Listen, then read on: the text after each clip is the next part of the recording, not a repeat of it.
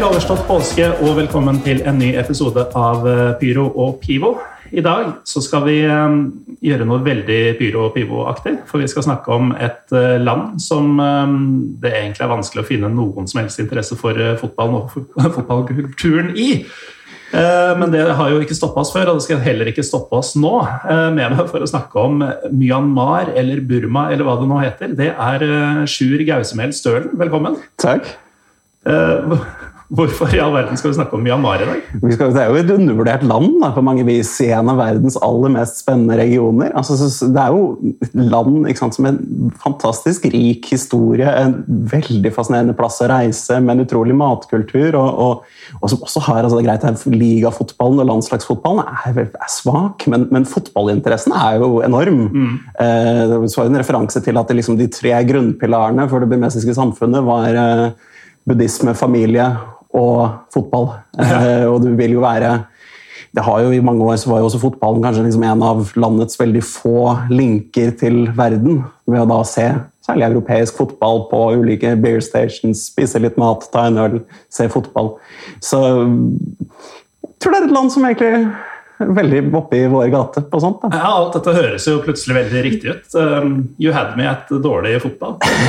Uh, men før vi kommer dit, så må vi jo uh, bli litt kjent med deg, Sjur. For du er med for første gang um, i Pyro Pivo. Men um, det er muligens en del lyttere som drar kjensel på navnet ditt for det. Uh, du har jo bl.a. vært kreditert på et Instagram-innlegg eller to fra Pyro Pivo. Eh, i egenskap av at du har stått i vest og fotografert eh, fotball og fotballkultur? Stemmer. Eh, jeg har jo vokst litt opp med å fotografere fotball. Det var liksom noe jeg snubla litt opp i i ganske ung alder. og Før jeg egentlig rakk å tenke meg om, så, så begynte jeg å jobbe med det. Mm -hmm. Jeg var vel 17 år gammel da jeg først begynte å frilanse. Det var et lite problem i det at man, man trenger jo egentlig et enkeltmannsforetak. Og det er jo ikke så lett å starte når du ikke er myndig. Nei, det er kanskje ikke Nei, jeg tror det faktisk, I ettertid så har jeg lært at det veldig strengt tatt er det, men det er jo en, uh, hvor mye vi skal gå inn på skatteetatens mer obskure regler, er vel kanskje liksom uh, men, men, jeg slumpa litt sånn opp i det, og har jo, måte, jeg kom jo fra fotballen. Jeg hadde en fotballinteresse. Jeg har vært elendig i fotball. Eh, jeg har ingen ballfølelse. Ja, jeg har ikke kondis. Jeg er alt galt. Fotballspiller kunne jeg aldri bli. Men jeg fanget, ble jo fanga opp av fotballen som så mange andre. Litt inn og ut. Mista litt interessen. og Noen år så mm. fanga jeg veldig opp igjen sånn rundt ungdomsskolen. Eh, dro mye på kamper. Eh, og Plutselig så var jeg bitt, og så sto jeg midt oppi det og har liksom vokst fram en veldig sånn respekt og fascinasjon for supporterkultur, som jeg kanskje egentlig har fått gjennom kamera. Da. For det, er klart, det var ikke noe jeg sto midt oppi sjøl. Mm. Nei, men eh, det er, jo, eh, det er, jo, interessant, og jeg kjenner meg også igjen i eh, at fotballinteressen kom og gikk gjennom de hva skal vi si, formative årene. Plutselig så droppa jeg å dra på HamKam Lillestrøm fordi jeg skulle på en sånn hardcore punk-konsert i en kjeller. Og så gikk det et par år, og så var det plutselig helt uaktuelt å dra på en konsert i stedet for å dra til Ålesund for å se Lillestrøm. og Sånn bølga det litt. da.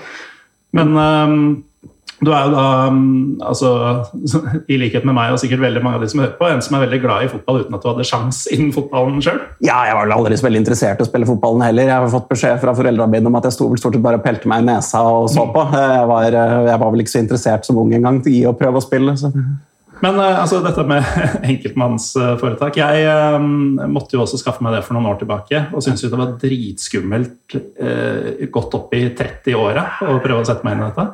Eh, men du kom i mål til slutt. Altså, du, hadde, du, var en gasjert uh, sportsfotograf som 17-åring? Eh, ja da, ja da. Jeg, jeg, jeg, jeg jo aldri, aldri, har jo jobba med dette her i mange år som frilanser. Jeg har vært på Wembley, jeg har vært uh, litt rundt omkring. Jeg har fotografert mye, jeg har jo tjent penger på det. Det har nok aldri vært fulltidsjobb som mm. sådan. Det har jeg ikke helt fått til. Jeg er ikke noe jeg er ingen stor businessmann, og det tror jeg man må være for å få til det i en såpass uh, trang bransje. Men jeg liker å tro at jeg er blitt en bra, bra sportsfotograf. Det, ja, definitivt. Og for de som lurer, så må de jo bare gå inn på Er det Sjur GS du er på Instagram? Ja, eh, men søk meg, hvis du vil se gode bilder, så søk meg heller opp på, på internett. For der er, har jeg en nettside. Den er hakket bedre kurert uh, enn den Instagrammen hvor jeg er litt, lagt ut litt på måfå. Mm. Men uh, jeg har jo ikke det vanligste navnet, så det er jo bare å søke Sjur Stølen, og så dukker det meste opp. Det Ja, For det kan ikke være mange Sjur Stølener i Norge? Jeg tror jeg er den eneste. Eller i hvert fall den eneste Sjur gausmelstølen. Ja. Eh, men det er, jo, det er jo noen sjeldne navn alt sammen. Ja. Men apropos uh, fotballfotografering, eh, Gausmel-delen, den. Ja, det er for å sende en liten shout-out til min onkel Trond i Bergen her, som er kjent fra Hordalandsfotballen og for dommeryrket i mange mange, mange, mange år der borte, som jeg tipper mange,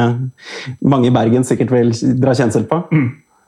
Men det er jo en ting som er litt sånn ting som henger litt eh, etter diverse Vi har jo egentlig ikke møttes før. Eh, Nei, jeg tror ikke det.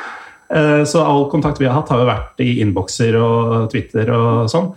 Og på et eller annet vis har jeg fått for meg at du er Vålerenga-supporter. Ja, nei, det stemmer jo ikke helt. Nei. Grunnen til at jeg trodde det, var jo at du tok bilder på et derby på Intility.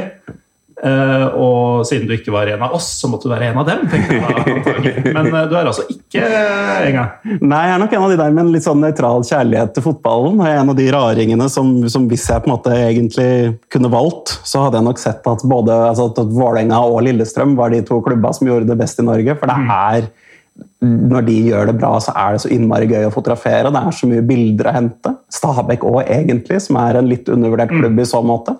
Ja, så Stabæk eh, det har blitt nevnt av andre supportere tidligere i Pyro Pivo. Altså, de er ikke mange, men de som er der, veit hva de gjør. Ja, og det er noe med liksom hele stadiondesignet òg. For det som er så nydelig med at det er så dårlig på Nadderud, er at det er et eller annet med hvor med det forholdet Stabæk, altså hjemmefansen har til spillere som er helt nydelig. Når, når, de feirer et mål, så er det liksom, de må over et reklamegjerde, løpe 30 meter bort.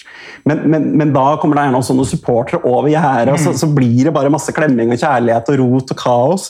Og det er et eller annet sånn ordentlig nydelig ved det. Og det er ofte ganske gode bilder å hente. Litt sånn dansegulv, skråstrek, klinegulv? Ja, det er jo, det blir jo ofte en, en liten moshpit hvis det er kaos nok. da. Eh, og det er noe litt vakkert i det. Og så er det ofte ganske god nerve i kamper. Altså, særlig altså, Stabæk-Lillestrøm er et litt undervurdert oppgjør. Ja. Eh, det er et av de hvor det faktisk er ganske mye å hente. For det, det er et eller annet sånn nesten litt stygt i mhm. stemninga. Det tipper egentlig litt over. Det er nesten litt sånn der uverdig aggressivitet som ikke helt Men den, den er der, og den, den syns så godt i bildene. da.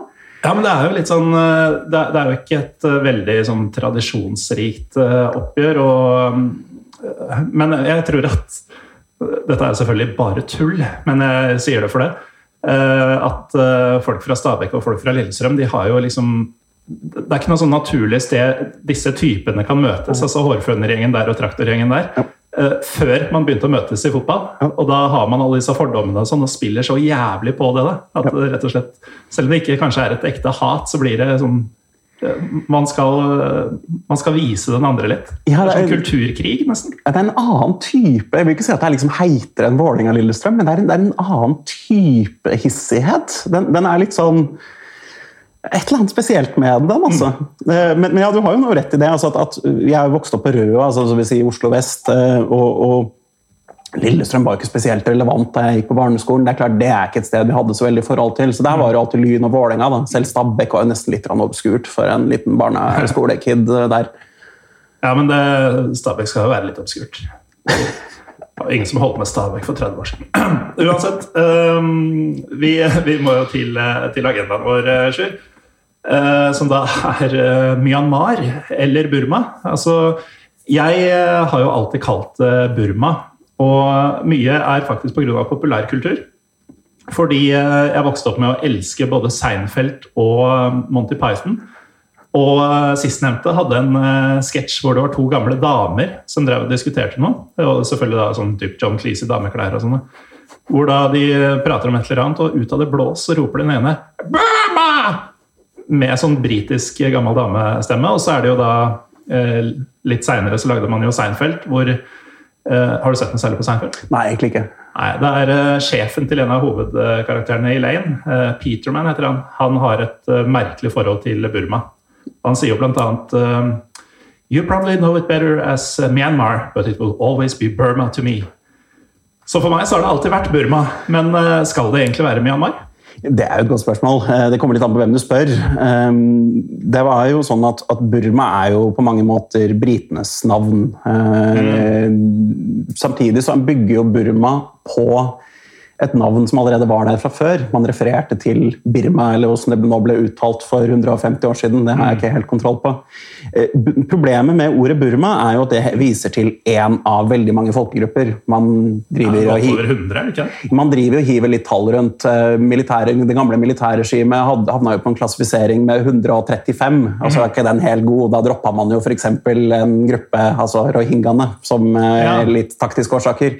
Mens andre ble liksom regna som en folkegruppe over noen eh, små dialektforskjeller. Men, men det er ekstremt mange folkegrupper. Og Burma viser bare til majoriteten, altså bamar-folket, eller burmeserne. Og um, ditt forhold til eh, Burma eller Myanmar, uh, det starta i 2015, eller? Uh, Ja, i hovedsak. Litt, litt for bare å runde av den forrige først bare kjapt. Og det, å si, at, altså, problemet med Myanmar da, er jo at det er jo militærets navn. Ja. Og det betyr i grunnleggende sett akkurat det samme.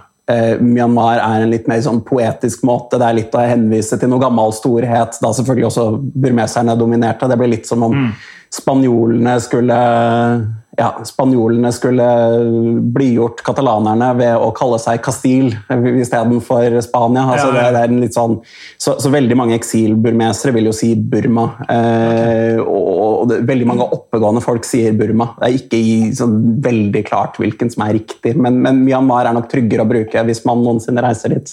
Ja, riktig. Så um, jeg har jo trodd at Burma rett og slett var feil, at de bare har hett Myanmar eh, de siste 20 åra, eller noe sånt, men eh, det er altså eh, nesten sånn at hvis du bruker Myanmar her, så anerkjenner du militærdiktaturet? Nei, eh, ver- verken eller. Det er liksom ingenting som er lett eller ukomplisert akkurat med de greiene her, men, men, men Aung San Suu Kyi brukte jo Burma i alle år. Eh, Og det vil jo være mange burmesere som bruker Burma. Eh, andre bruker Myanmar. Eh, så du har på en måte rett. Det har på en måte vært feil i hermetegn. Det ble vel endra i 89 eller et eller annet sånt av et militærdiktatur, men så ja, så er det komplisert, komplisert land, dette her, da. Men eh, altså, du dro jo dit eh, for første gang eh, i 2015. Ja. Eh, hva var det som trakk deg dit? Det er jo litt tilfeldigheter inne i bildet også. Altså det var jo, jeg var jo en av mange nordmenn som hadde lyst til å, er glad i å reise, og som hadde lyst til å reise en, en periode. Jeg hadde vært mye rundt omkring i Europa, vokst litt opp med sånn lite forhold til Asia. Faren min bodde et par år i Japan før jeg ble født. Så jeg liksom flaska litt opp på ris og har liksom alltid hatt en litt sånn liten fascinasjon for, eh, for Asia. En spennende del av verden. Og så skulle jeg jo ut og reise, da, og da sto jeg som de fleste andre mellom liksom Sør-Amerika og, og Sørøst-Asia. Litt sånn tilfeldigheter, egentlig, gjorde at det ble Sørøst-Asia. Jeg var fascinert av Asia. Det er litt billigere, det er ganske trygt å reise der. Ja. Eh, Det er klart veldig mye tryggere enn Sør- enn- enn Sør-Amerika. Eh, Ganske ufarlig, egentlig. Trafikken er jo helt horribel. men annet.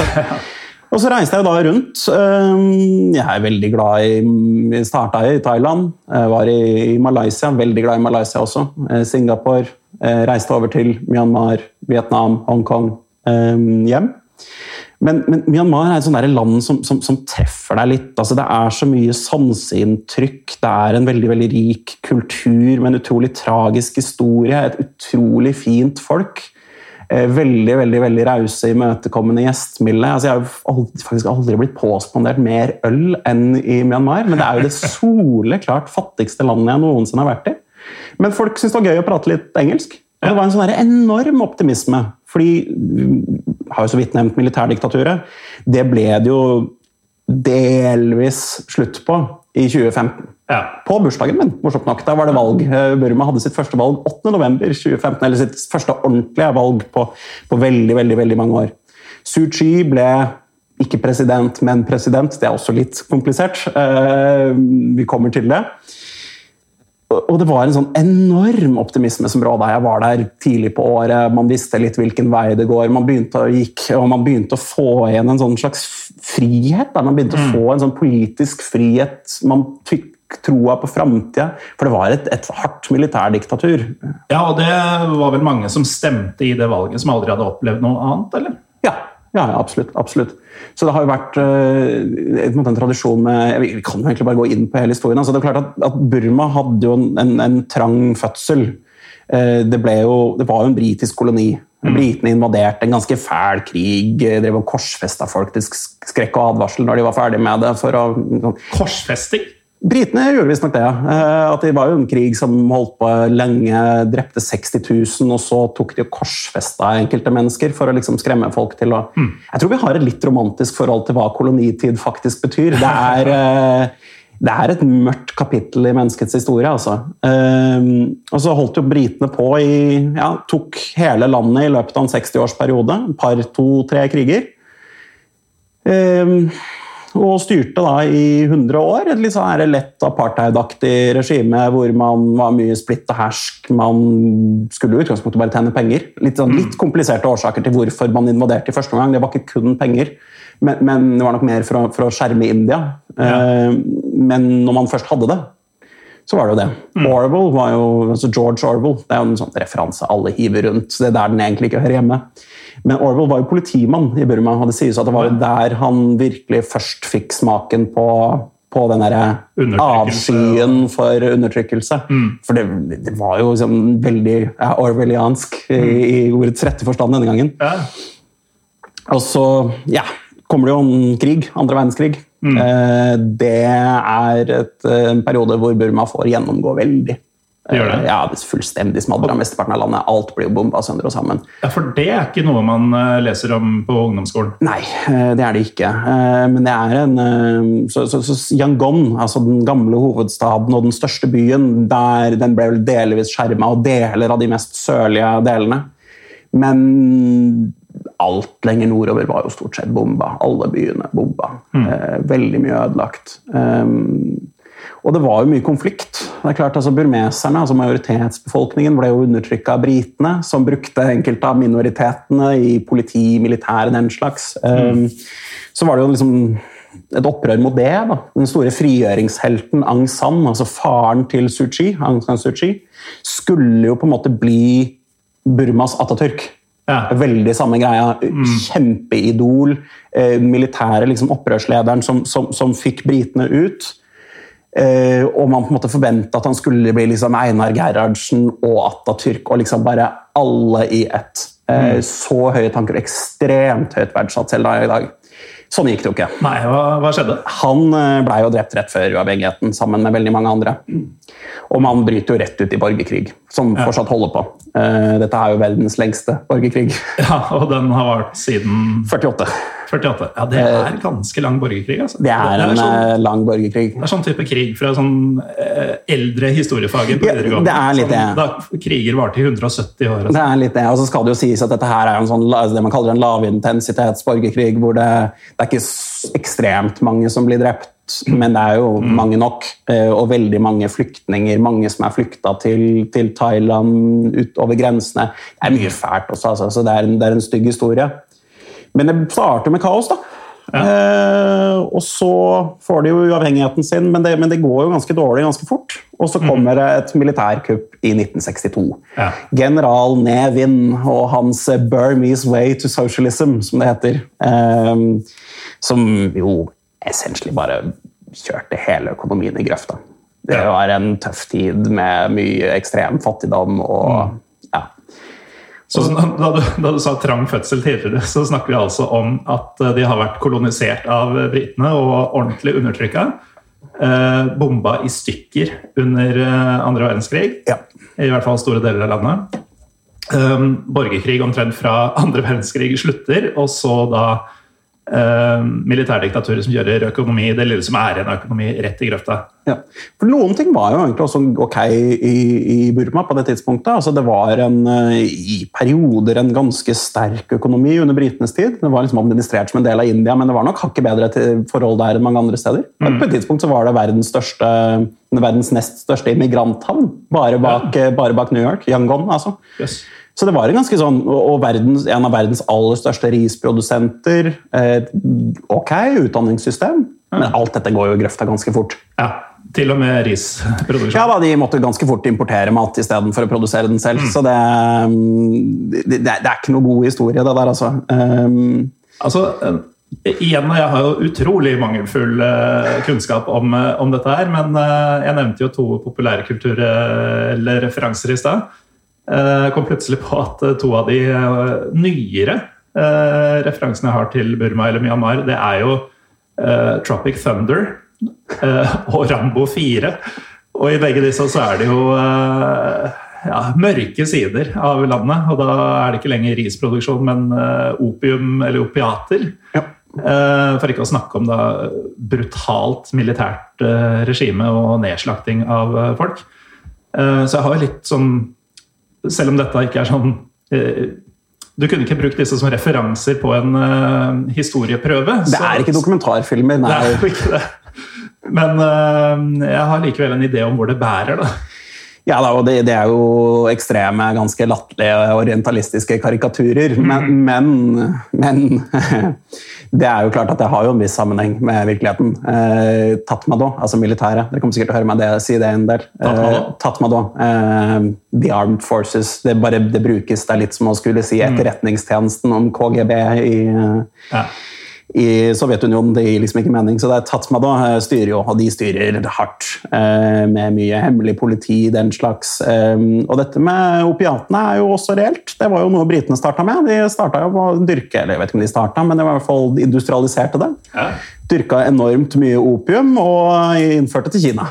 Mm. Fra sånne høydepunkter som opium, den første og andre opiumkrigen, hvor vi slåss for å få dope ned kinesere med fæle narkotiske stoffer. Ja. Det er i frihandelens navn. Ja, såkalte opium dens, sånn, ja. hvor folk bare gikk for å ruse seg.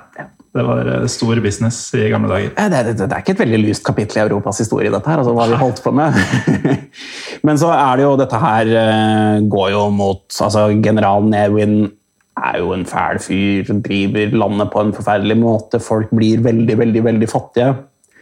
Og i 1988 så skjer det jo noe. Mm. Det blir noen gigantiske protestbevegelser. Man snakker om altså, 8.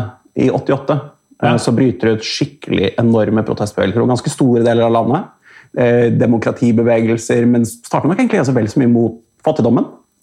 Er det noen symbolsk årsak til at den datoen var da det begynte? Det er mye overtro. det er mye, liksom, Man er glad i, i det enkelte liksom, auspicious numbers. Eh, man liker nok sånne typer sammenhenger. Eh, så, sånn at det at det er 888 eh, ja, 4-8-tallbevegelsen er jo en sånn 88 betyr jo noe litt annet enn i Europa, kan ja, du trygt si i Burma. Ja, det, er, det er et demokratisymbol. Ja. Um, så betyr det stikk motsatte? Ja, det betyr veldig det stikk motsatte. Absolutt. Mm. Og mot liksom, det militære, mot volden til en viss grad. Mm. Um, så det bryter jo gigantiske protestbevegelser. Dette er jo året før Tianmen Square, mm. og det ender på samme måten. Ja. Massakrer. Eh, man, snakker, man veit jo ikke helt hvor mange det er som er drept, men det er vel kanskje 3000. Mm. Uh, og Tiananmen Square er jo da denne ikoniske greia med han som stilte seg foran tanksen ja. i, uh, i, Kina. Og det man, vet, det man jo har litt mindre bilder av, er folk som ble slakta ned. som det jo ble i veldig stor grad. Ja, uh, han, han stoppa ikke noe. jeg veit jo ikke åssen det gikk med Det hadde egentlig vært ganske fascinerende å vite. Mm. Men jeg, noen som har nevnt det, at man veit egentlig ikke helt hva som skjedde med The Tankman. tror jeg. hadde det gått veldig bra, så hadde vi visst det, tenker jeg. Det spørs. det spørs. Men det er klart det går litt annerledes i, i Burma. Det er klart eh, General Ne Win han kommer seg jo ikke gjennom dette her. Men det jo som i praksis skjer, er jo en omorganisering av hele militærdiktaturet. Mm. Det er et valg. Aung San Suu Kyi vinner så det synger. Kjempebra valg militære Vant hun da i egenskap av å være datter av uh, den håper å si mislykka landsfaderen, eller uh, var hun sin egen uh... Delvis, ja. Det er klart Hun har en kjempeboost av det. Men hun er en dyktig realpolitiker. Hun er, hun er langt fra perfekt, men hun er en, en dyktig politiker. Absolutt. og er jo et sånn demokratisymbol. som har fått seg en rip i lakken, men, mm. men det er nok delvis reelt, altså. Mm. Så hun vinner? Hun vinner. Um, men hun får ikke sånn Nei, militæret, militære driter jo bare i det. Setter en husarrest og tar over. Men det er litt andre generaler. Så Inn kommer en som heter Than Shwe, uh, som styrer da til, eh, til um, Han selv styrer hele liksom mm. endringen. ja. Så han, uh, han, tar både makta og kontroll over hvordan makta skal fordeles? Ja. Essentially. Uh, han, han, har ganske, Etter mye rot så har han ganske god kontroll. Det var også en stor protestbevegelse i 2007. Den mm. kjenner nok mange til. altså ja. the, the, Saffron Revolution. Hvor munkene særlig, det er jo veldig minneverdige bilder, uh, protesterer. Det endte jo gikk jo også dårlig. Mange som ble drept. Mm. Um, men det gikk jo til slutt mot et slags demokrati. da. Men problemet med det er at det var en veldig styrt endring. Mm. Styrt av uh, the usual suspects. Godeste Fan Shwe har nok hånd bak mye. Militæret skriver sin egen grunnlov. Den, der gir de seg selv immunitet mot alt de har gjort. De gir seg selv en garantert 25% av nasjonalforsamlinga. Du kan gjette hvor mange prosent du trenger for å endre den i grunnloven. Nei, Skal vi si 25, eller? Jeg tror det kan stemme. altså. Og sånn går det jo litt, da. Mm. Og Det er jo på en måte der vi kommer til det som har skjedd nå. Ja. For det har vel de fleste fått med seg, at det ikke er en helt god tid i dette landet her. Ja, ikke nå heller, kan man si. Men, det var noen gode år! Men vi har jo da vært Vi har nevnt at det er en veldig en lenge pågående borgerkrig med diverse interessante diktatorer. Jeg har vært litt innom narkotikaen, men eh, kan du bare ta sånn kjapt hva er det som skjer i dag? Sånn at folk ikke må google det hvis de er litt bakpå. Nei, Det, liksom, det starter jo i 2008 da, eh, med denne her grunnloven. Man starter sin egen grunnlov. Man skriver en egen sånn, i praksis en Aung San Suu Kyi-paragraf, eh, hvor Aung San Suu Kyi ikke kan bli president. Mm. Du kan ikke bli president hvis du har bånd til utlandet. Og Suu Kyi er gift i England, har engelske barn. Mm. Um, Høres ut som en veldig sånn designa klausul her. Ja, absolutt. Det er ingen grunn til å tro noe annet. Um, så det er jo klart Det finner hun en vei unna. En ganske smart uh, advokat, mm. uh, Ukoni, finner løsninga. For det militæret ikke har gjort, er at det er smutthull. Det er ingenting som sier noe om at det ikke kan være noen over presidenten. Nei. Så de starter posten State Counselor. Og den eh, får Suu Kyi. Så det er jo ingen tvil om hvem som er sjefen. Og det er nok litt sånn strongman- eller strongwoman-tendenser. Ja. Uh, Ukoni blir skutt og drept utenfor flyplassen i Yangon. Mm. Det er en uh, tragisk nok uh, lite forvarsel. For dette var jo rett før også folkemordet mot rohingyaene i 2017. Så. Ja, riktig. Så hun det var Hun som ble drept, var da hun som Han. han, han som uh, fant ut hvordan Aung San Suu Kyi kunne bli statsoverhode? Han som har fått æren for det, i hvert fall. Ja. Nå skal ikke skremme folk vekk fra Myanmar. altså Yangon, hoveddel, De største mesteparten av landet er veldig veldig trygt. Ja, ekstremt trygt. For det nevnte du jo i en bisetning i starten, at uh, veldig varme mennesker, og, ja. og, og, du brukte faktisk ordet trygt også. Ja. Uh, og når vi snakker om både borgerkrig, narkohandel, politikere som blir skutt nærmest på åpen gate oser jo ikke trygghet, men uh, da får man rett og slett et feil bilde, hvis man, hvis man bare hører på hva vi har sagt til nå. Ja, både ja. Eh, altså, altså, det er jo det er veldig viktig, og det gjelder jo i store områder. Mm. Men de områdene er ofte ganske isolert. Narkohandel, eh, borgerkriger Det er ikke de sentrale delene av landet. Det er gjerne sånn ute i jungel og i grensetrakter. Og... Særlig i grenseområdene. Mm. Så det er klart at Burma er et veldig stort land. Rundt 55 millioner mennesker. Eh, og hvor de sentrale delene er burmesisk dominert, mens de på en måte er etniske områdene rundt. Mm. Eh, hvor det bor, også bor mye mennesker, men færre mennesker. Det er jo der det er kamper. Og særlig litt isolerte fjellområder eh, mm. ved grensene. ja. Så det er veldig trygt i sentrale deler. Ganske lite Veldig lite vold, egentlig. Ganske lite sånn petty crime. Det er mye som er sånn helt absurd, hvor liksom folk er det som er tradisjonelt er at Veldig mange går i det som kalles longer, som er en sånn slags skjørt. Longer eller hetamen. Um, som er en sånn slags sånn skjørt som både menn og kvinner går med. Okay. Og Sånne har jo ikke lommer. Nei. Så når måte mobil og lommeboka kom til, eh, til, landet, så var det veldig vanlig å bare stikke den liksom nedi bak i buksa. Mm. Så gikk man jo rundt i sant, Yangon og bare så på det bare flira. Og bare sånn, 'Jeg har prøvd det der i Paris eller mm. liksom i Europa.' Herregud, altså, Det føles jo bare som at folk er naive, men nei, nei det er ikke så veldig mye vinningskriminalitet. Ikke av den typen. Da. Nei, riktig. Uh, og det er jo liksom historier fra liksom, da det var veldig strenge sanksjoner om at liksom, det var sånne uformelle banksystemer. Og da kunne liksom, de som jobba med det, liksom, finne på å ta bussen med en, liksom, en pengesekk. Uformelle banksystemer, det høres, uh, høres proft ut. Uh, ja, altså man finner jo Mennesker finner alltid en vei. Mm. Um, det var klart altså at Burma var jo sperra inne fra, fra Sperra ute fra alt av banksystemer, stort sett alt, ja. hele verden. Ja. Og man fant jo løsninger, da. Eh, det var klart det fantes jo ikke minibanker omtrent. Selv da jeg var der, var de helt nytt.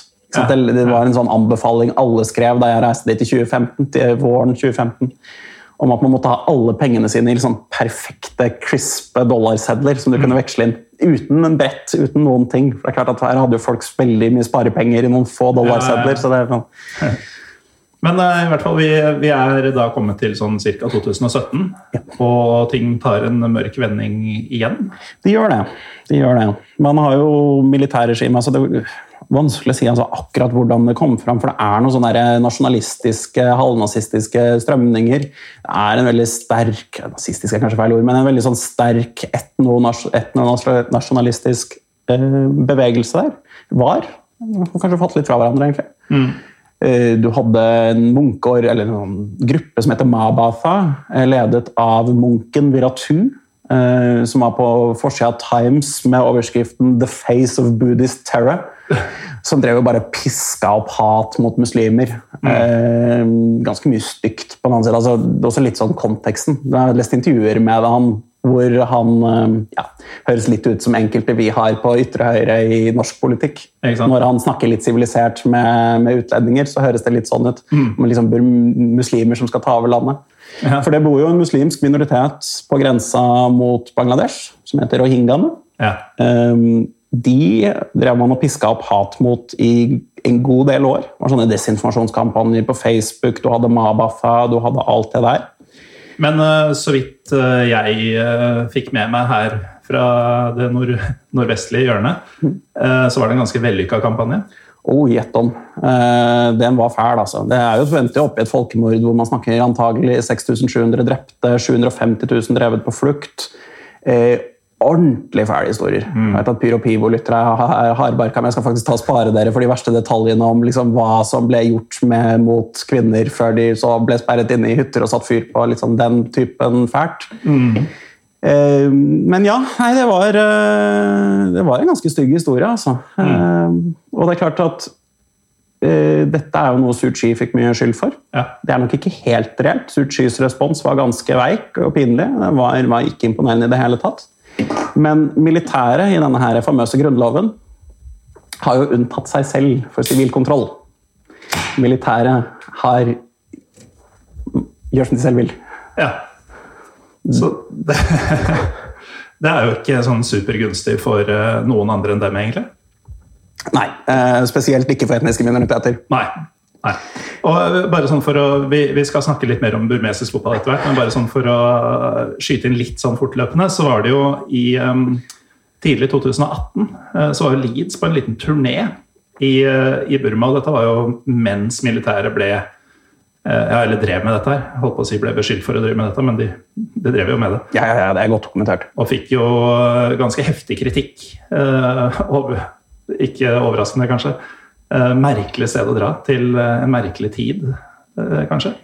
Riktig sted til helt feil tid. Hadde ja. de dratt i 2016, så hadde jeg sagt kult. Det er egentlig ganske kult at de gjør det. Mm. Dette er på en måte et land som er på vei opp. Det er et land som virkelig ønsker å være en del av verden og har på en måte ikke fått lov til å være det. Mm.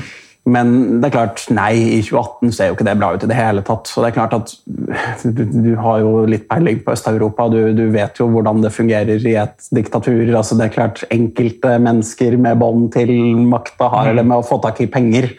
Det, det med samme mønstre ser man jo her. Mm. Men øh, hvis vi skal spole litt fram til øh, hva som skjer i dag da. fin, liten, fin liten avsporing. Det kan bli en lang episode. dette Ja, for nå, nå, var vi jo i sånn 2017-2018 og ja. ordentlig grusomme ting foregikk. Ja. Um, men altså, Nå har jo ting blussa opp nå, men uh, hvordan var det si for et halvt år siden? Det var egentlig veldig optimistisk. for det er klart at, at, at Dette med rohingyaene var på mange måter unntaket. Dette er et mm. land som som egentlig har gjort det veldig godt de siste ti årene. Eh, det har åpna seg veldig opp. Folk har fått, type, fått, smake på en frihet de nok aldri har hatt før. Mm. Økonomien har gått habilt. Eh, og så er det klart Koronaviruset har vært tøft der òg, men, men, men, det har jo klart seg bedre enn man, man, skulle tro for et land som hadde verdens verste helsevesen, ifølge en NGO eller, eller FN-organ i 2000. Så har det egentlig klart seg helt greit. Ja. Eh, men det er jo blitt mer fattigdom. Det er mindre mm. ja verdensøkonomien har gått saktere. Det er klart Da er det færre bukser og T-skjorter som skal sys, og, og, og den slags. Mm. Nei, så For et halvt år siden så, så det ok ut uh, hvis du trekker fra koronaviruset, men uh, nå, da? Nei, Det var jo et valg igjen på bursdagen min. Det er tydeligvis en veldig auspicious eh, dag. Det var noe snakk om at noen eh, en eller annen militære hadde fått råd om det fra en eller annen astrolog, at hvis de la det til 8. november, så skulle det gå veldig bra med dem. Så tapte de sånn det sang. Det sies at han eh, flyttet til en landsby og ble munk.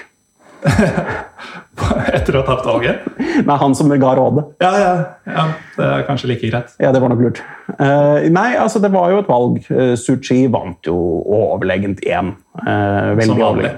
Ja, andre gang. Jeg vet ikke om man kan kalle det som vanlig, men det var liksom aldri noe, det var aldri noe tvil. Og internasjonale observatører sa at valget i by and large gikk ganske greit for seg.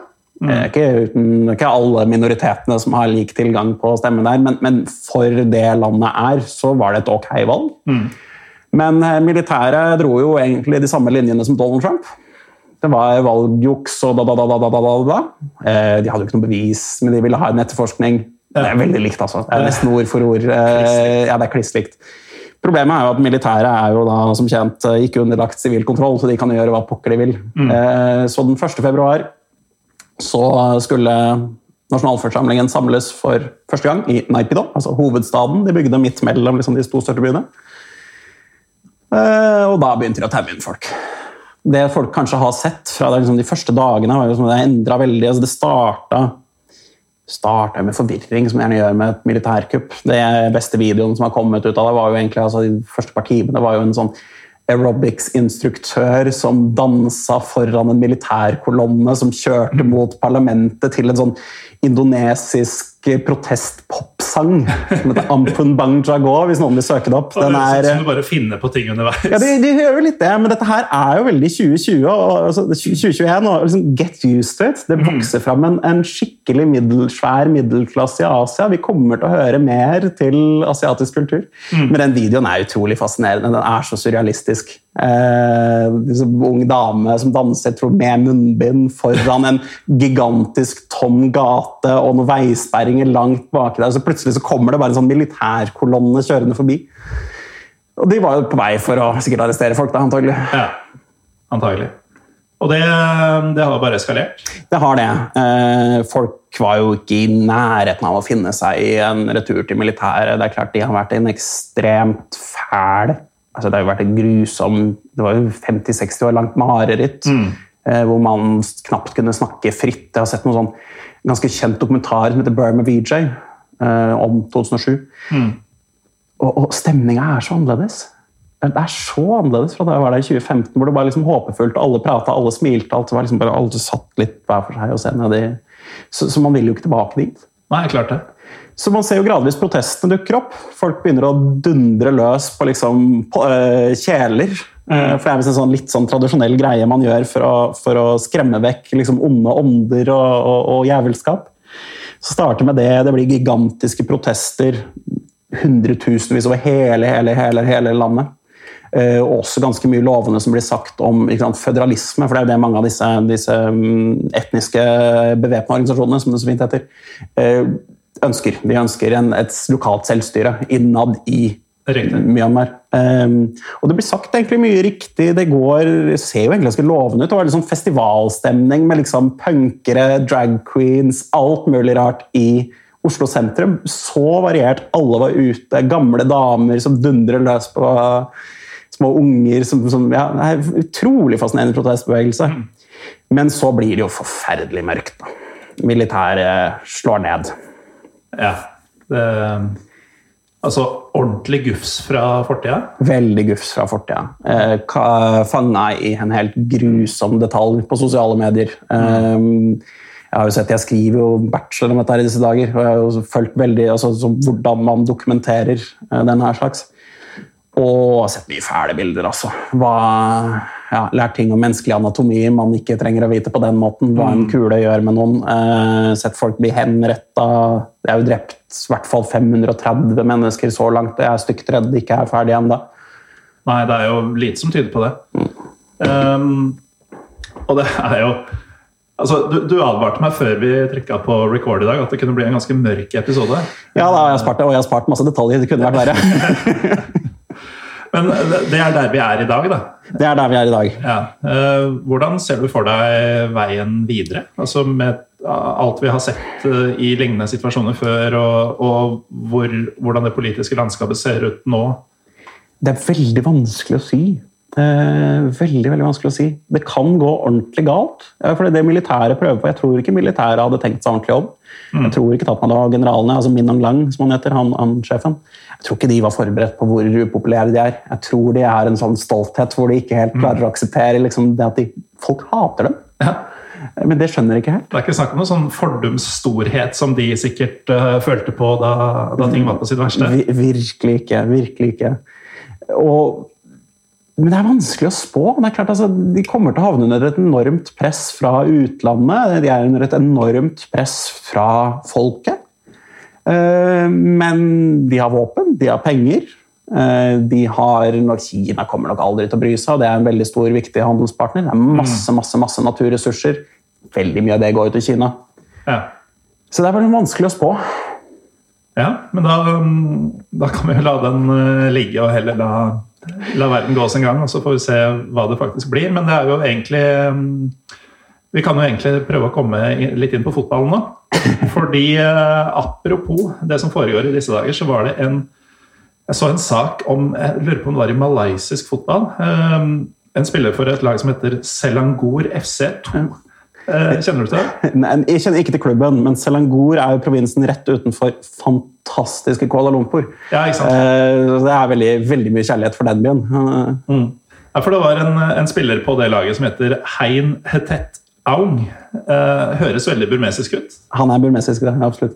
Han eh, hadde nemlig en gest i kampen mot PDRM-FC, eh, hvor han eh, protesterte visstnok mot dette kuppet Eh, ved å vise tre fingre. Ja, Det er en sånn, sånn hilsen henta fra The Hunger Games, som er blitt en sånn demokrati-protestbevegelse. Hvor man gjør på denne er veldig dårlig radio, men man peker på denne måten. uh, du viste altså de tre midterste fingra rett opp? Ja, uh, ja, det blir jo det. Ikke midterste. men ikke at det er så viktig. De tre midterste. ok, samme. Av, av fem? Ah, jo, Én, to, tre, fire, fem. noe sånt sånn det var. Så det var ikke helt enkelt. Nei, jeg prata litt med her. Det går i, går i ball. Uh, jo uh, men han fikk i hvert fall én kamps utestengelse fra ligaen der, fordi dette var da regna som en politisk protest mot ja. det som foregår i eh, Burma akkurat nå. Ja. Men så vidt jeg har skjønt, så har det jo skjedd verre ting med fotballspillere som ytrer seg? Ja, det var jo også det, Ungdommen har jo, som med de fleste andre protestbevegelser, vært veldig viktige. og Det var jo en, en sånn dødsannonse som, som, som, gikk ganske bredt, og det var jo en U21-kaptein. Husker ikke helt for hvilken av klubba, men altså en av de litt, litt kjente burmesiske klubbene. Mm. Så var kapteinen fra U21-laget han, blitt, han var blitt drept. En av da... Drept? Drept. Militæret skyter for å drepe folk. Det får bare være veldig tydelig på. Det var vel altså noen, en av organisasjonene som så på det, som sa at en fjerdedel er skutt i huet. Det skjer ikke ved en tilfeldighet. Nei, ikke, ikke, fra yrkessoldater i hvert fall. Nei, ikke fra relativt godt trente yrkessoldater. Mm. Eh, landslaget har vel allerede sagt varsla at de kommer ikke til å spille landskamper under militærdiktaturet. For det er jo en mm. sånn stor sånn sivil ulydighetsbevegelse hvor man på en måte prøver å hindre militæret i å styre tvinge dem til forhandlingsbordet på et eller annet vis. Mm.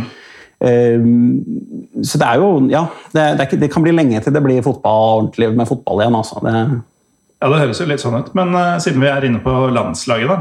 Ja. Um, du tok en titt på Fifa-rankinga før vi gikk inn her. Det er ikke um, Altså, dette er et lag fort uh, Alexander Sørloth kunne scora mot. Får håpe det. Dette er rangert på nummer 137. Dette er plassen etter Latvia, og da tror jeg kanskje egentlig man er litt snille. Ja, Det høres sånn ut, for Latvia er ikke UF-ene om dagen. Det det ikke de som slo Tyrkia? Ja, de eh, tok uh, uavgjort i, i Tyrkia. 3-3. Um, og ikke for første gang. men uh, nå er det ikke Latvia det skal handle om. Men jeg, jeg, jeg, tror, jeg, tror, dagens Latvia er vesentlig bedre enn det jeg tror Burma er, uten at jeg kjenner til dem. Men uh, du har jo bl.a. nevnt en gammel turnering som het AFC Challenge, som, som vel ikke fins lenger? Eller? Ja, AFC Challenge var jo en sånn landslagsturnering for, for, emerging nations. Det har også hatt en på klubbnivå, som kan komme litt tilbake til. Ja. Mm. Eh, hvor det var liksom, ja, Tadsjikistan, Kirgistan, Lao liksom den slags eh, Jeg husker ikke alle, men det er liksom verdt å bare søke opp og titte på den eh, lista over, eh, over lag. Det går jo ikke an å bli mer Galåsen omtrent. Altså. Er, Nei, og du, du, nevnte jo også at uh, dette er jo en turnering som er på et sånt nivå at uh, Burma eller Myanmar har kommet til bronsefinale.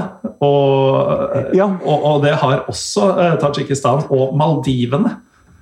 Og da skjønner vi jo at uh, her, uh, her snakker vi Sunday League, uh, nesten? eller? Ja, men altså, Det er jo gode spillere midt imellom her også. så det er, som jeg nevnte så vidt i innledninga, Det er en sterk fotballtradisjon mm. i, i, Myanmar. Det er mye interesse, det er mye den slags. så de, de, var på et tidspunkt et ganske godt fotballag altså for regionen. Det var liksom oppe blant liksom, Iran og Sør-Korea mm. på 60- og 60-tallet. Ja, det er ganske solide. Det var jo en litt annen tid, så klart, men de vant de, altså, fotballturneringa i de asiatiske leker i 66 og 70. Mm. De vant fem Sørøst-Asia-leker på rad. Det var et habilt fotballag. Ja, så På 60- og 70-tallet så kom jo f.eks. både Nord-Korea og Iran til VM. Mm. Og beit som noenlunde fra seg tidvis. Så um, asiatisk fotball var ikke sånn var du av de bedre asiatiske lagene på den tida, så var det nok ganske ok. Ja, og det, og det er, Jeg så det var et, et, eh, burmesisk U20-lag som var i et uh, fotball, altså U20-VM for et par år siden. Mm. Så det er klart, det er, det, det er, en fotballkultur hvor det er potensial, men altså det nåværende landslaget er ikke spesielt imponerende, nei. nei. Det er manglende samsvar mellom interessen og nivået er jo noe med liksom 50 år med militærdiktatur og ganske ekstrem fattigdom som ikke er kjempebra for et fotballags utvikling. Mm. Eh, for det gikk jo litt med fotballandslaget som det gikk med hele resten av landet. altså at Det, ble, det, det var en tøff tid. Ja. ja. det må det jo ha vært. Men uh, når du har vært der nede du har ikke fått sett noe særlig fotball ennå? eller? Nei, altså dette her var jo før jeg ble liksom radikalisert av deg og Asbjørn Slettmark og Runar Skrøvseth og den gjengen. Så, så, så var, jeg husker jeg var jo titta litt på det, men jeg liksom ikke fant ut av det med en gang. Så var det liksom sånn ja, ok da, Jeg titta både der og i Vietnam, så var det sånn, ja, det hadde vært litt morsomt å bare stikke huet innom en fotballkamp. Jeg var jo fem måneder på reise aleine, liksom, så jeg hadde god tid. Ja. Radikalisert innen fotball, det, det uttrykket likte jeg. ja, det er ikke feil. Nei, det er kanskje ikke det. For Jeg har jo alltid hatt de sånn samme sympatiene. men liksom, Jeg liker at det ikke er sånn så jævla kommersielt. Jeg liker at det er liksom supportkulturen, jeg liker at det er litt, sånn litt friere, ikke så mye penger nødvendigvis. Mm. Selv om jeg gjerne ser Premier League også. Jeg er ikke, jeg er ikke purist. Ja. Men, eh, men, det var jo på en måte før jeg lærte meg å skikkelig sette pris på alle disse tingene her. Da, på, mm. på, på, den måten jeg vel kanskje ville gjort nå. For du har jo um, Før vi um, Eller når vi har si, planlagt litt uh, denne episoden, så har du nevnt uh, i flere sammenhenger faktisk at uh, Myanmar kan ligne, minne litt om Balkan. Og før vi gikk på her nå, så viste du meg et spesifikt stadion på PC-en som Altså, det kunne like gjerne ligge i Beograd. Ja, Aung San stadion i sentrum av Yangon, bygd i 1910, oppkalt da etter far, mm. far Aung San og, og nasjonalhelten. Den er ganske fin, altså. Bygd i 1910, ganske gjengrodd nå, men det spilles lite fotball her. Ja, ja fordi um, det stadionet så jo veldig sånn sjarmerende og kult ut. Men uh, de har uh, bytta det ut rett og slett med I, i an, andre mindre fete ting. Eller? Ja, egentlig. Ja. De har bygd, uh, så, så Klubbfotballen spiller på liksom egne stadioner. Yangon United spiller på en stadion som var 3500. Antagelig liksom like lurt. Mm. Aung San stadion tar vel 40 000. Ja. Det, er sånn, det klarer du ikke å fylle, selv om fotballinteressen er der. Mm. Det samme med de andre klubbene, gjerne litt mindre. Eh, nasjonalarenaene er jo liksom veldig tilpassa lokale idrettene. det er jo sånn som Med, med Sørøst-Asia-leken og den slags, så er jo dette en sånn, sånn liksom mini-OL-variant hvor det også er friidrett og den slags. Så det er jo sånn store, helt ålreite, men store og med løpebane. Mm. Så det er ikke den samme, er ikke samme appellen for sånne som oss. det er det ikke. Men uh, når du reiser rundt, altså, la oss bare sånn for uh, folkelighetens skyld si at du uh, surrer rundt i Myanmar som backpacker, ja. og du vet at fotballinteressen er ganske stor. Er det sånn at i en stor by i dette landet kunne du bare ramla inn på en pub for å se Premier League-fotball, f.eks.? Ja. ja. ja. Det er ganske enkelt. Altså, sånne beer stations, som det heter, for det er jo veldig ofte utendørs. Det er jo mitt beste råd for å spise mat i, i hele Sørøst-Asia, egentlig. At du skal aldri ha mer enn tre vegger. da gjør du noe feil. For du vil liksom sitte litt utendørs hele den. Nei, det er en enorm fotballinteresse, og det har det vært veldig lenge. Og den interessen er nok størst for, for europeisk fotball. Jeg tror mm. mange vil se Premier League garantert mange som interesserer seg for, for Spania. den slags, Men jeg tror nok at England har en ekstra appell fordi de forstår litt mer språket mm. og har nok parallellene, og britene var jo der. og alt dette her, så det, men, men det gjelder jo hele Sørøst-Asia. Det er en, en, region med masse fotballinteresse. Det er ikke spesielt vanskelig å få sett en fotballkamp der. altså. Um, apropos uh, engelsk fotball og det at England eller britene var der. Uh, er engelsknivået? Helt ok. Uh, varierende. Det er ikke alltid Det er jo mange som snakker lite, det er mange som snakker dårlig, men du kommer som regel et godt stykke med engelsk. Mm. Uh, det er nok vanskelig til, ofte vanskelig å ha veldig lange, dype samtaler. Men hvis du snakker litt enkel engelsk, det er som regel ikke noe problem å få bestilt seg mat. den slags, mm. Mindre du kommer deg litt ut av halvfarveien. Spør om veien og sånne ting? Ja, du kommer deg som regel rundt. Mm.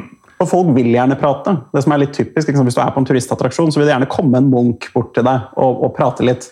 Enten fordi han selv syns det er gøy, eller bare fordi han har fått det i engelsklekse. uh, en liten unge eller en, ja, hvem som helst egentlig, mm. kan komme bort og bare prate litt. Av og til så har de bare fått i lekse av engelsklæreren. at nå skal du bare gå og prate litt med noen utlendinger.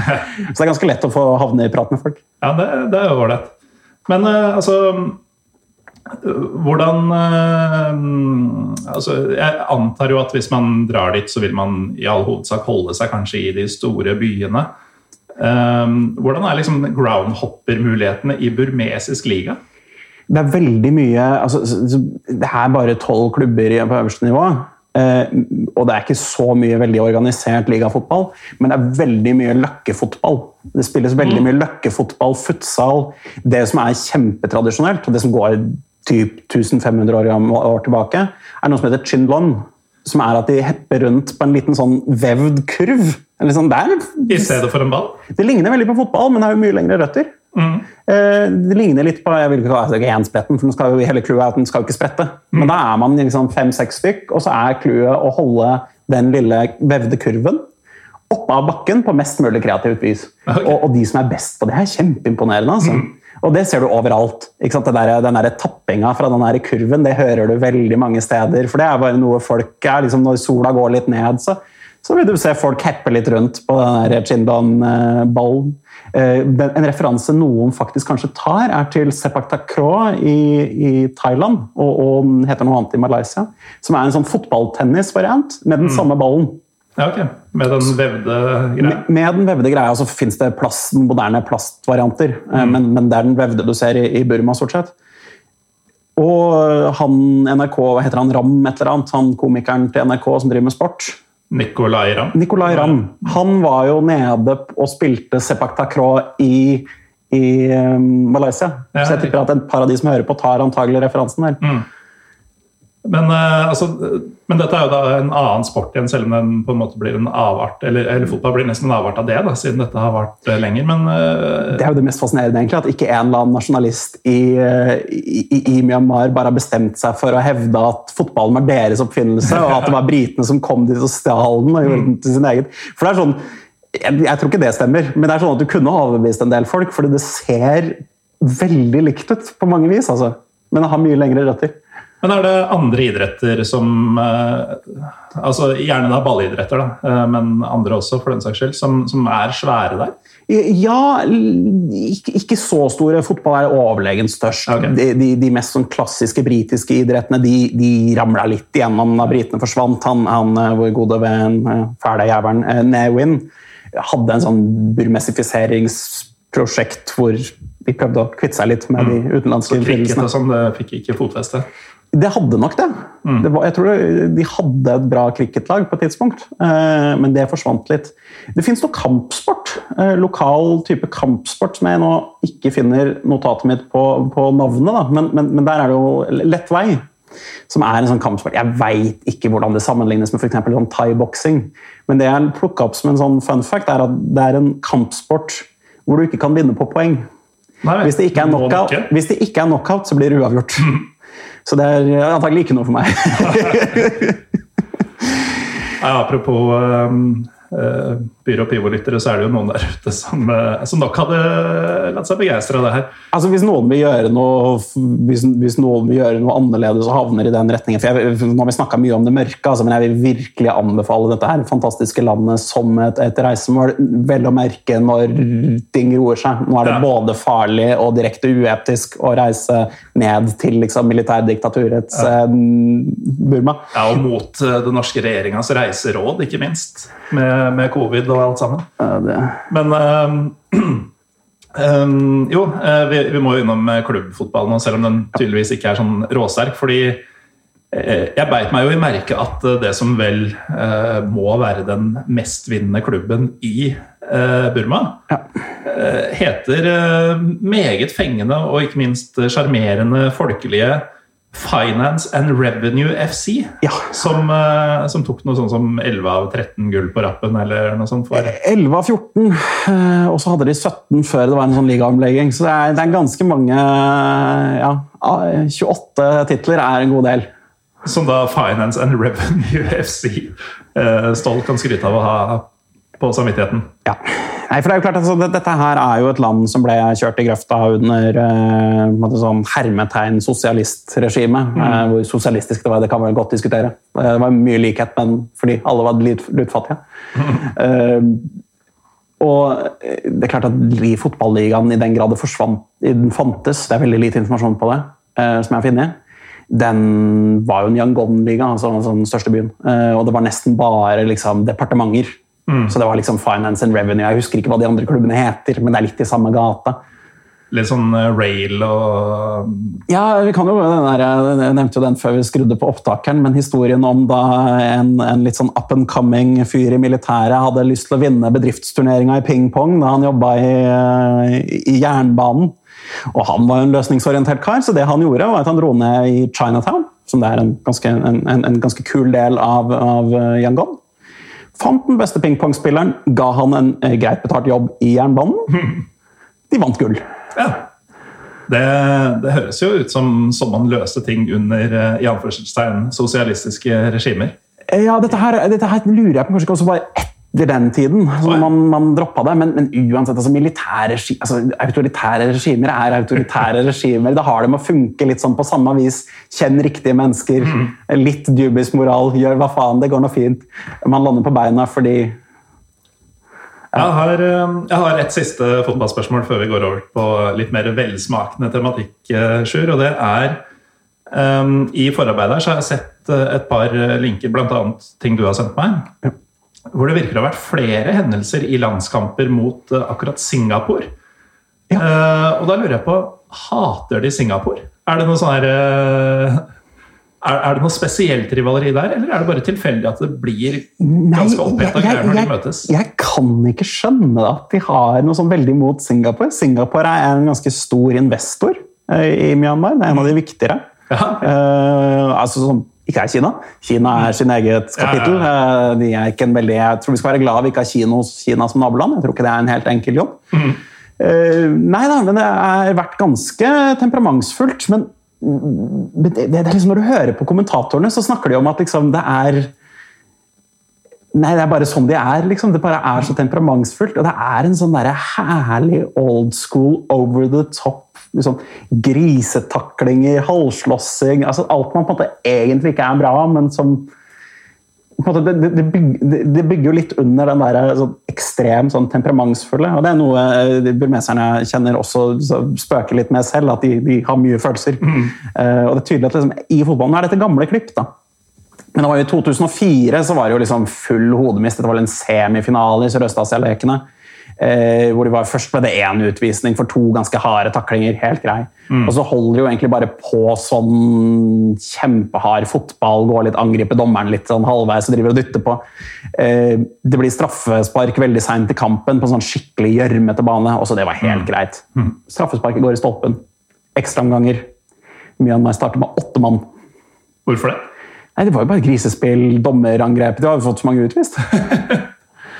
Eh, det var jo en annen sånn klubbfotballen. Det var litt samme greia, hvor det bare, bare tok jo helt over. Jeg vet ikke om du så det klippet jeg sendte deg der, men det var jo liksom bare sånn Først så er det noen spillere som begynner å liksom småknuffe litt, og så er det dommeren som blir omringet og dytta, og det er liksom ordentlig overtenning. Ja, det er skikkelig basketall. Og så kommer det supporter ut på banen. Ikke egentlig for å banke opp noen, bare veldig fortvila skal, skal, skal diskutere.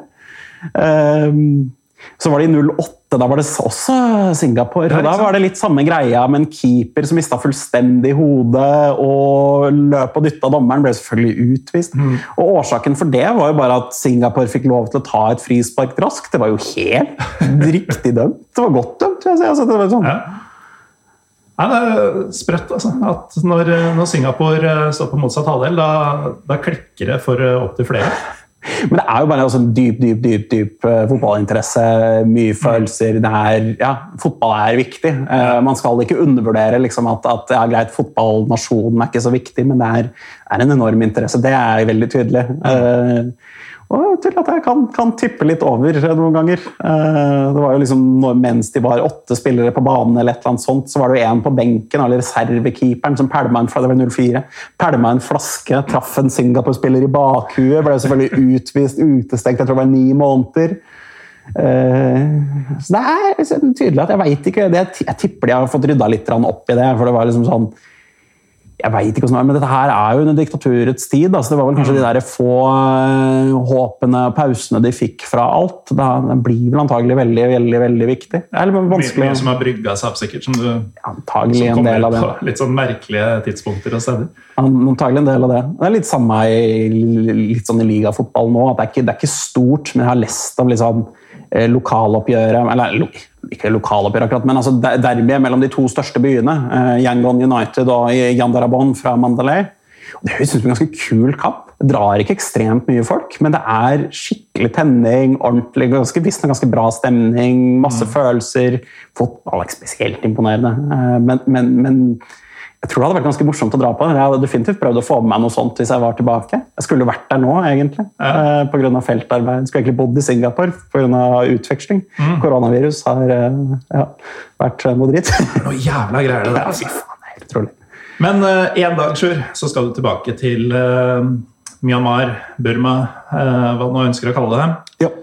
Og da skal du helt sikkert spise og drikke masse greier. Du har nevnt så vidt at det er fryktelig god mat der. Eh, men vi har ikke sagt hva man spiser der.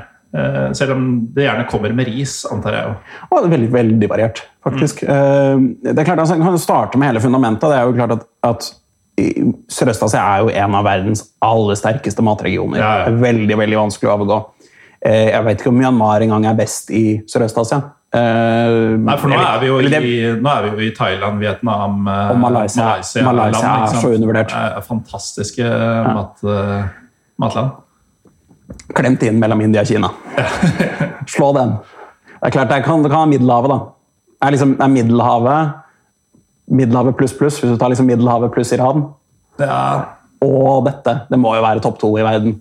Ja, mulig. mulig. Eh, det er ganske overbevist om. Mm. Så det er klart, hele regionen er fantastisk. og Hvis du noensinne reiser dit, er jo liksom, det mat er jo høydepunktet. Utrolig mye fantastisk å se, det er mye fantastisk å oppleve, men det er jo liksom mat. Hallo, det er fantastisk. Men er det sånn at smaksprofilen liksom heller den mot Heller den mer mot f.eks. Thai eller Vietnam eller Kina eller Malaysia? Eller? Det, det, er liksom, det, er litt av alt. Det er en veldig sånn distinkt matkultur, men innflytelsen er også veldig tydelig. Du vil se alt fra liksom dumplings til ulike liksom, pastries som du kan kjenne igjen. Altså, enten det er samosaer eller type kinesiske pastries. Du ser mye nudelretter, du kan se ting som ligner på thai. Det er mye curryer. Mm. Men så har du også den der distinkte, separate burmesiske og etniske. Mange av de andre har også stelt med at shan-nudler. En av minoritetsgruppene, en av minoritetsområdene. Shan-nudler er fantastisk. Eh, curryen er fantastisk. Det er jo også fantastisk håndverk. Så nasjonalrett er noe som heter mohinga. Det er en slags krydra fiskesuppe med nudler. Mm. Så har du en litt avansert en, eller litt annerledes en, som, som, også er veldig kjent, som heter lapetok. Som er en sånn type salat hvor det spesielle elementet er fermenterte teblader. Fermenterte teblader? Ja, fermenterte teblader, og Det kommer visst fra, liksom, fra, fra, mm, fjellregionene. Det har vært tradisjon i veldig, veldig, veldig lang tid. Blir det en sånn burmesisk variant av kimchi? Som er fermentert? Ja, Det brukes nesten litt som en sånn slags dressing. Ja. Det, er en ganske sånn sterk smak på det, og så spiser man gjerne en, altså, det, er, mye salater, men salater betyr noe helt annet ofte. Eh, man spiser liksom med kål, tomater, og så er liksom det nesten en sånn slags dressing som man moser i en makter. Mm. Uh, som er en ganske sånn spesiell greie. Og så finner du ting som er veldig indisk. Du kan godt spise nanbrød, samosaer, biryanier. Eh, Plov eller osh, hvis noen er eh, mer bevandra i Øst-Europa. Dere kjenner at det ligner veldig. Prawn curries. Fantastiske, fantastiske reker. Sånne, litt, Reker gjør det ikke helt rettferdighet, men sånne svære prawns. Monsterskampi. Liksom. Ja, det var helt utrolig altså, på sitt beste. Det er her så bra. Eh, mye sjømat. Og så er det veldig ofte sånn at hvis du spiser burmesisk mat, så er det liksom du, Vi har et lite bord foran oss, det er vel kanskje halvannen meter ganger halvannen meter. og hvis, hvis vi hadde spist burmesisk, så hadde det stått 15 retter på det. Eh, småretter. For det er liksom dette gjelder jo generelt i Asia, men altså at mat serveres gjerne på en litt annen måte. Man er veldig opptatt av balanse, forskjellige typer smaker, kontraster, teksturer. alt sånt. Men det er ikke alltid bare én rett. Du kan ha på deg én rett, og så får du fem sånne typer salater ved siden av. Ja, ja. Eh, også, og masse condiments. Det er også typisk Asia. Det er jo ingen som spiser en rett, det er ikke to mennesker som spiser en rett på samme måte, for du har alltid liksom crispy chili, chiliolje, fish sauce, lime, urter, Ja. bønnespirer, alt mulig rart rundt. Og så lager du på en måte din egen rett basert på noe som er helt fantastisk i utgangspunktet. Og, og, og mye av det er så avansert. Det er, det er litt sånn undervurdert. fordi jeg tror de fleste har jo et forhold til f.eks. vietnamesisk eller thaimat. ja, ja. Men det vi har i Norge, er så veldig tilpassa nordmenn ofte. Det er ikke nærheten. Du kan få veldig veldig bra Berlin, for eksempel, er det håp. Der er det jo en litt kjent greie som er en sånn, det er en sånn thaipark. Hvor det lokale thai-miljøet med jevne mellomrom har en sånn liten sånn matfestival hvor de lager sine greier og selger det på veldig sin måte. Vietnam også et eget uh, vietnamesisk kjøpesenter som jeg har vært og sjekket. som en gang. Jeg har aldri kommet meg dit sjøl, for det er et godt stykke østover. Men, Ja. eh, men jeg må dit en gang. Men det nærmeste man kommer, er kanskje når det er sånne her eh, markedsdager på Olav Ryes plass eh, i Oslo. eh, Som, som ikke er spesielt nærme, men som da er ofte sånn at i hvert telt er det ikke noen restauranteiere, men liksom en ja, liten familie som har leid seg en plass, eller noe sånt, også lager Men da også selger man jo ting som man vet man får solgt i Norge. Ja.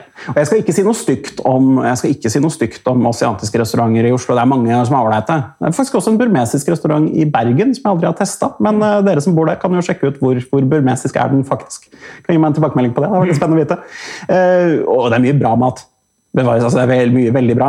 Men, men hvis du drar på Lille Saigon da, i Oslo, så vil du ofte få Hvis du titter på menyen der, så er det vel liksom 130 ting på den Ja.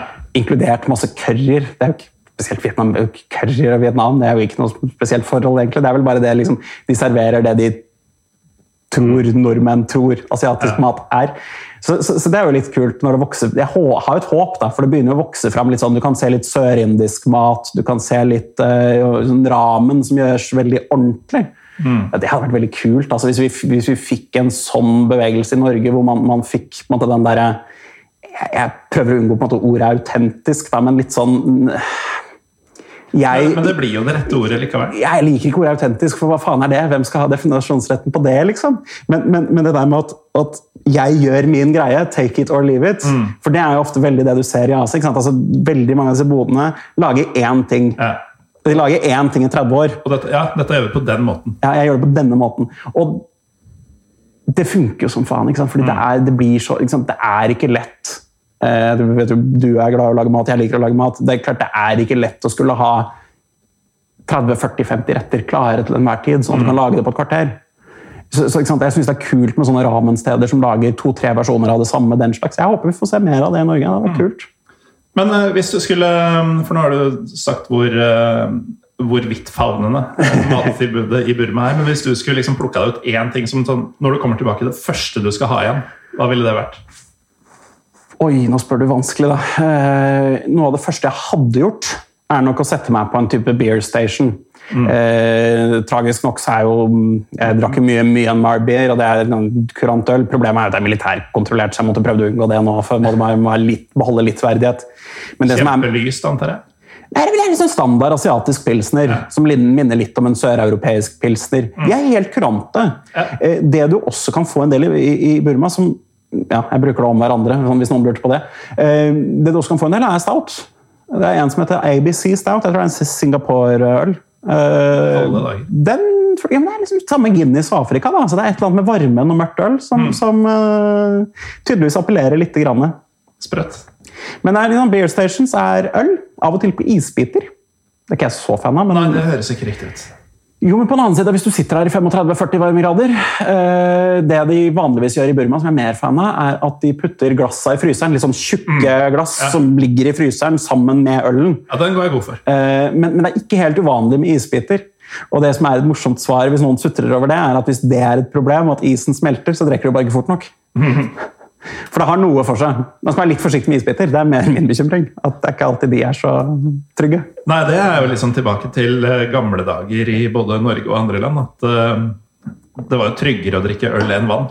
Fordi vannet var ikke bra, men ølet var i det minste behandla vann. Ja, nei, Flaskevann er ikke noe problem å få tak i, men du må jo aldri drikke springvann i noen av disse landene her. Kanskje Singapore, men selv nei tviler jeg vel. Nei, eh, Singapore er ganske veldrevet land. Men kan du vite at uh, i Burma da, at de faktisk lager isbitene av flaskevann? Nei, det, uh, det kan du ikke. Uh, og det kommer litt an på hvor du er. Jeg har drukket mye, jeg har drukket mye ting på isbiter i alle disse landene her, og det går som regel greit. Men det er greit å være obs på at det er ikke en selvfølge. Mm.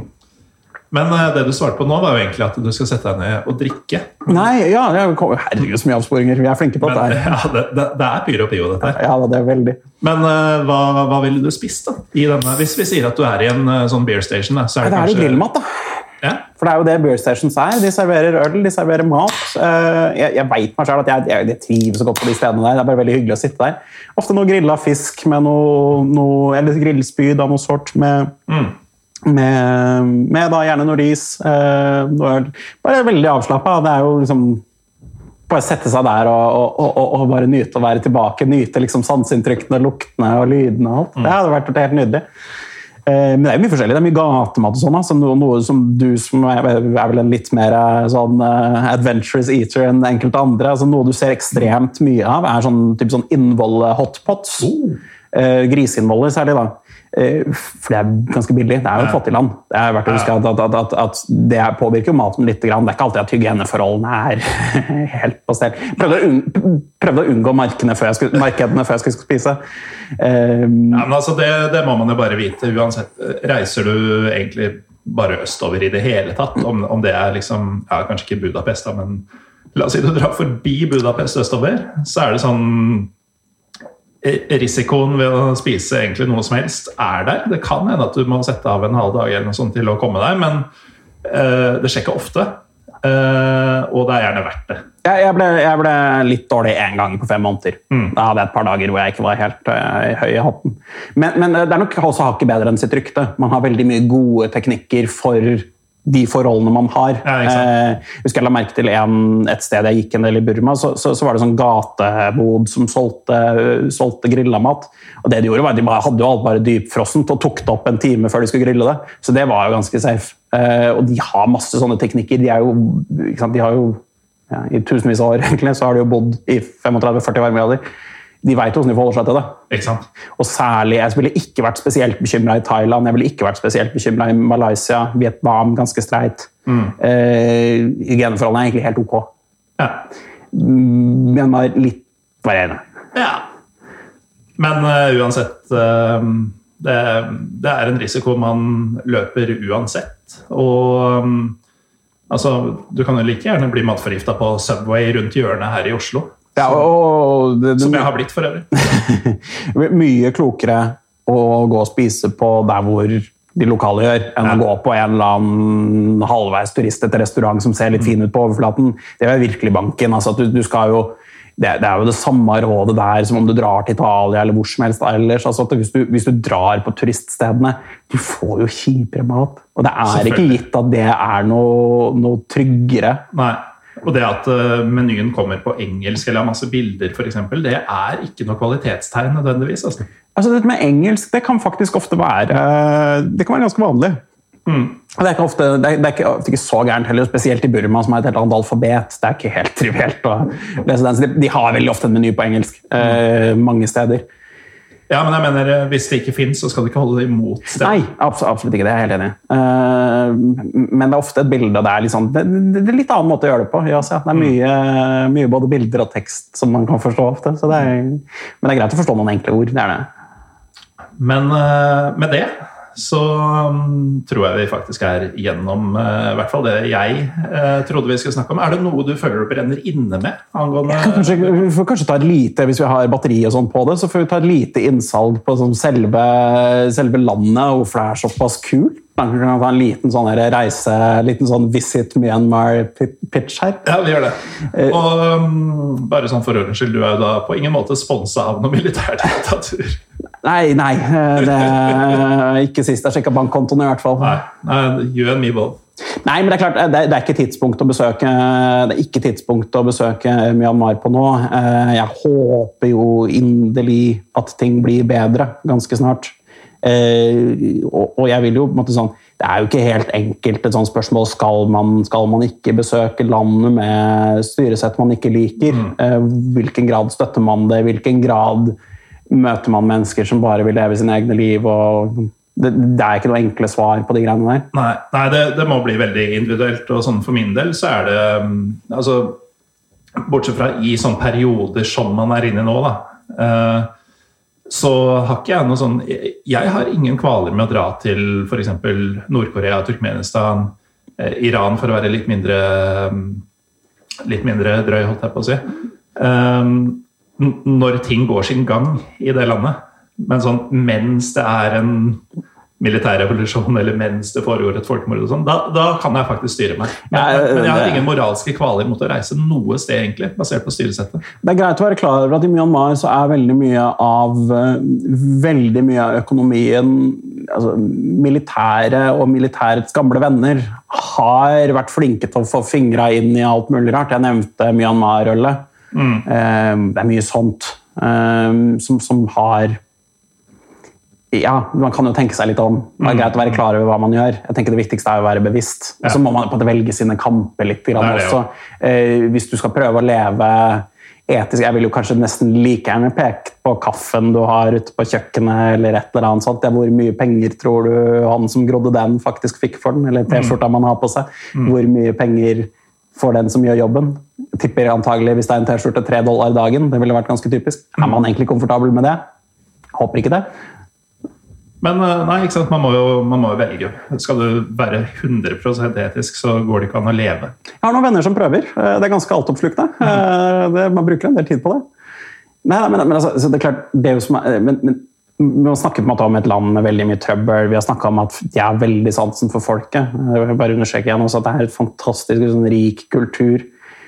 Og, og, de aller fleste kjører jo en ganske sånn forutsigbar rute. Du, du, du, lander i Yangon, det er en stor by. Fem, seks, sju, åtte millioner. Um, så vil veldig mange reise. I Yangon så er du kjent for sånn, særlig sånn, det som heter Shwedagon Paya, altså Shwedagon Pagoda. En sånn gigantisk, helt utrolig imponerende tempel. Eh, mm. Uh, gammelt tempel. Litt sånn buddhismens Peterskirke. Altså, den er fantastisk imponerende. Uh, så er det liksom i, i, sentrum av byen så er den derre fantastiske sånn, Man mener hva man vil om kolonitid og sånn, men så selve bygningene, altså kolonitidsarkitekturen som står og gror igjen, er et fantastisk syn å bare tråkke rundt i liksom, folkelivet. Eh, så er det markeder overalt. Det liksom, selv, selv, det å ta liksom, lokaltoget er ganske morsomt, for det går en sånn circle line som rundt hele byen er typ 50 km. Tar tre timer. uh, gyngete som et helvete. Du må, faktisk ta reisesyketablett, for du må forvente å bli sjøsjuk. For det er som å sitte på en ferge. Det er så humpete, for det er omtrent ikke vedlikeholdt. Uh, utrolig bare en kul storby. Så ville veldig mange, og det gjorde jeg også, reiste liksom nordover til, til Bagan. En, en, sånn gigantisk sånn ørk, eller sånn, Ikke ørken, men en sånn slette, litt tørr slette med, med, hvor det står et sted mellom 2000 og 3000 gamle pagodaer. Sånne pagodaruiner. Mm. Eh, og, og hvis noen har, måte, har, et bilde i hodet av Myanmar, så er det sannsynligvis Bagan. Okay. Veldig veldig, veldig imponerende syn. Og det å bare fyke rundt der på, på, en sånn elektrisk moped, som er jo det alle gjør eh, prøvde å sykle første dagen, for det er liksom typisk nordmann. tenkte sånn, ah, nei, uff, Det er jo dritfarlig på motorsykkel, jeg skal ikke gjøre det. Jeg har ikke førerkort. der, liksom, det gikk én dag, så var det over på elektrisk moped. Det er altfor stort. Altså det bare svisje rundt på liksom små jordveier mellom liksom pagoder Du- Det er jo en del turister der, men det er jo så stort at du har det nesten for deg selv. Ikke sant? Denne fantastiske verdensarvstedet. Ble litt skada av, av et jordskjelv i 2016. Det var altså en grusom syklon i, i 2008 som tok 120 000 liv. Ja, og når vi har snakka om alt mulig faenskapet som det landet har opplevd, så har vi jo glemt å nevne disse naturkreftene som, Ja. eh, som rocker dem. Og det er vel, jeg tror de fleste mener at det er jo liksom topp fem, topp ti land som kommer til å bli hardest ramma av klimaendringene også. Så det er, eh, det, det er jo en tragedie på vis, det, den, hvordan det sannsynligvis nå går med, med ja, et eller annet regime som prøver å ta over i hvert fall i noen år. Det kan jo godt bli ganske stygt. Ja. Eh, Jeg har sett, eh, jeg har sett liksom, bilder av unge folk, jeg har fulgt et par unge folk på Instagram liksom, som har reist, liksom, først protesterte, og så flykta, og så, nå jeg så, dem igjen, men så er det med noen kalasjnikover i sannsynligvis Karen-staten, som er et gammelt opprørsområde. Så det er nok en viss radikalisering på gang også, i verste fall. Ja. Jeg håper ikke det er så mange. En annen type radikalisering enn du har blitt utsatt for? En eh, litt styggere en. Jeg så jo det ble, jo brent det var vel her i forgårs, så brant jo to store kjøpesentre med bånd til militæret òg. Så jeg tror det er klart at folk finner sine mater å ta igjen på. Um, Men eh, nå eh, skal vi i beste Piro Pio-stil sprette voldsomt fra noe til noe helt annet. Fordi det er to ting som henger igjen litt fra mat- og drikkedelen. Fyr. Eh, Du brukte ordet sterk ganske mye, men jeg tror, eh, bare sånn for å poengtere det, at du, mente sånn eh, på en sånn karakter Kvalitet, at, at det var ja, ja, ja. sterk kvalitet, men maten er ikke nødvendigvis kjempesterk hvis du ikke liker sterk mat. Jeg syns ikke det er det mest ekstreme. Du kan få bitt i, det kan bite godt noen ganger, men, men jeg, liksom, Men du har valget. Ja, så, Det er ikke alltid du helt vet hva du bestiller, men jeg har blitt ganske overraska noen ganger. Men, men jeg husker ikke Myanmar som noe spesielt ekstremt, nei. Eh, Thailand kan være futtig, Ja. men eh, ikke så gærent. Nei, for altså, Sørøst-Asia kan jo være dritsterkt. Men eh, folk som blir avskrekka når du sier sterk eh, flere ganger, Ja. så, så, så er det ikke nødvendigvis alt du spiser som, som brenner. Eh, Nei, det er absolutt ikke. Eh, nummer to var jo at vi har jo nevnt øl. Men altså, jeg har jo vært, jeg har ikke vært i, i det østlige Asia. Eh, jeg veit at eh, i Thailand for eksempel, så har du denne Mekong anførselstegn whiskyen. Ja, eh, Er det, er, er det noen sånn nasjonal sprit eller eh, en andre alkoholholdige drikker enn øl da, som er populære i, eh, i Burma? Det er jo de åpenbare først. Jeg tror det drikkes mer sprit enn en øl, egentlig, hvis du ser på statistikkene. Eh, Nå er ikke jeg like ivrig på det, og var det spesielt ikke da. Eh, Men det er jo whisky i hermetegn. Brukes en del av, drikkes en del av. Eh, Og så er det jo rom. Så, som varianter av det. Og det er jo litt som i, i Thailand, litt som i de landene rundt, at det er veldig billig lokale, men ganske etablerte merker. Ja. De er helt trygge, det er ikke noe sånn ment, men, men, men eh, veldig veldig, veldig billig. Det kan koste en dollar eller to for en halv, halv flaske. ikke sant? Altså, det, er, det koster ingenting. Riv røskende galt. Eh, Ja, eh, men, men, det som er litt mer lokalt, det er noe som jeg har aldri vært borti sjøl, for jeg lærte ikke om det før jeg var tilbake, men, men, men noe som de refererer til som, som toddy, som er en sånn eh, palmevin. Liksom palmevin, palmesprit. Eh, jeg tror den er litt røff i kantene. Snakker vi altså da palme som i palmeolje? Palme som i palmesukker. Ja, ok. ok. Eh, som, som er måte sin, sin egen lille greie, som, som, som drikkes, drikkes en del, veit jeg. Men, men da tror jeg du må vite litt grann hvor du Jeg tror det er ganske lett å finne, men jeg oppsøkte det aldri, så jeg så det ikke. Nei, men da, da har vi fått klarhet til det. Um, og vi, vi må vel si at nå har vi melka Burma, i hvert fall i en fotballpodkast, for alt eh, det er verdt. Ja, vi, vi kunne nok skravla en god stund til, men jeg, det, vi har vel, eh, ja, vi har vel prata en stund. Jeg har ikke fulgt med på klokka, ja, men det, det begynner vel å bli en lang podkast. Det begynner å bli en eh, time, i hvert fall, vil jeg tro. Det, ja, Nærmere halvannen, faktisk. Og vi må tenke litt på lytterne her også. Vi- vi- ja, det- vi, vi kan jo trykke på stopp og fortsette etterpå. Ja, det, det er fare for det.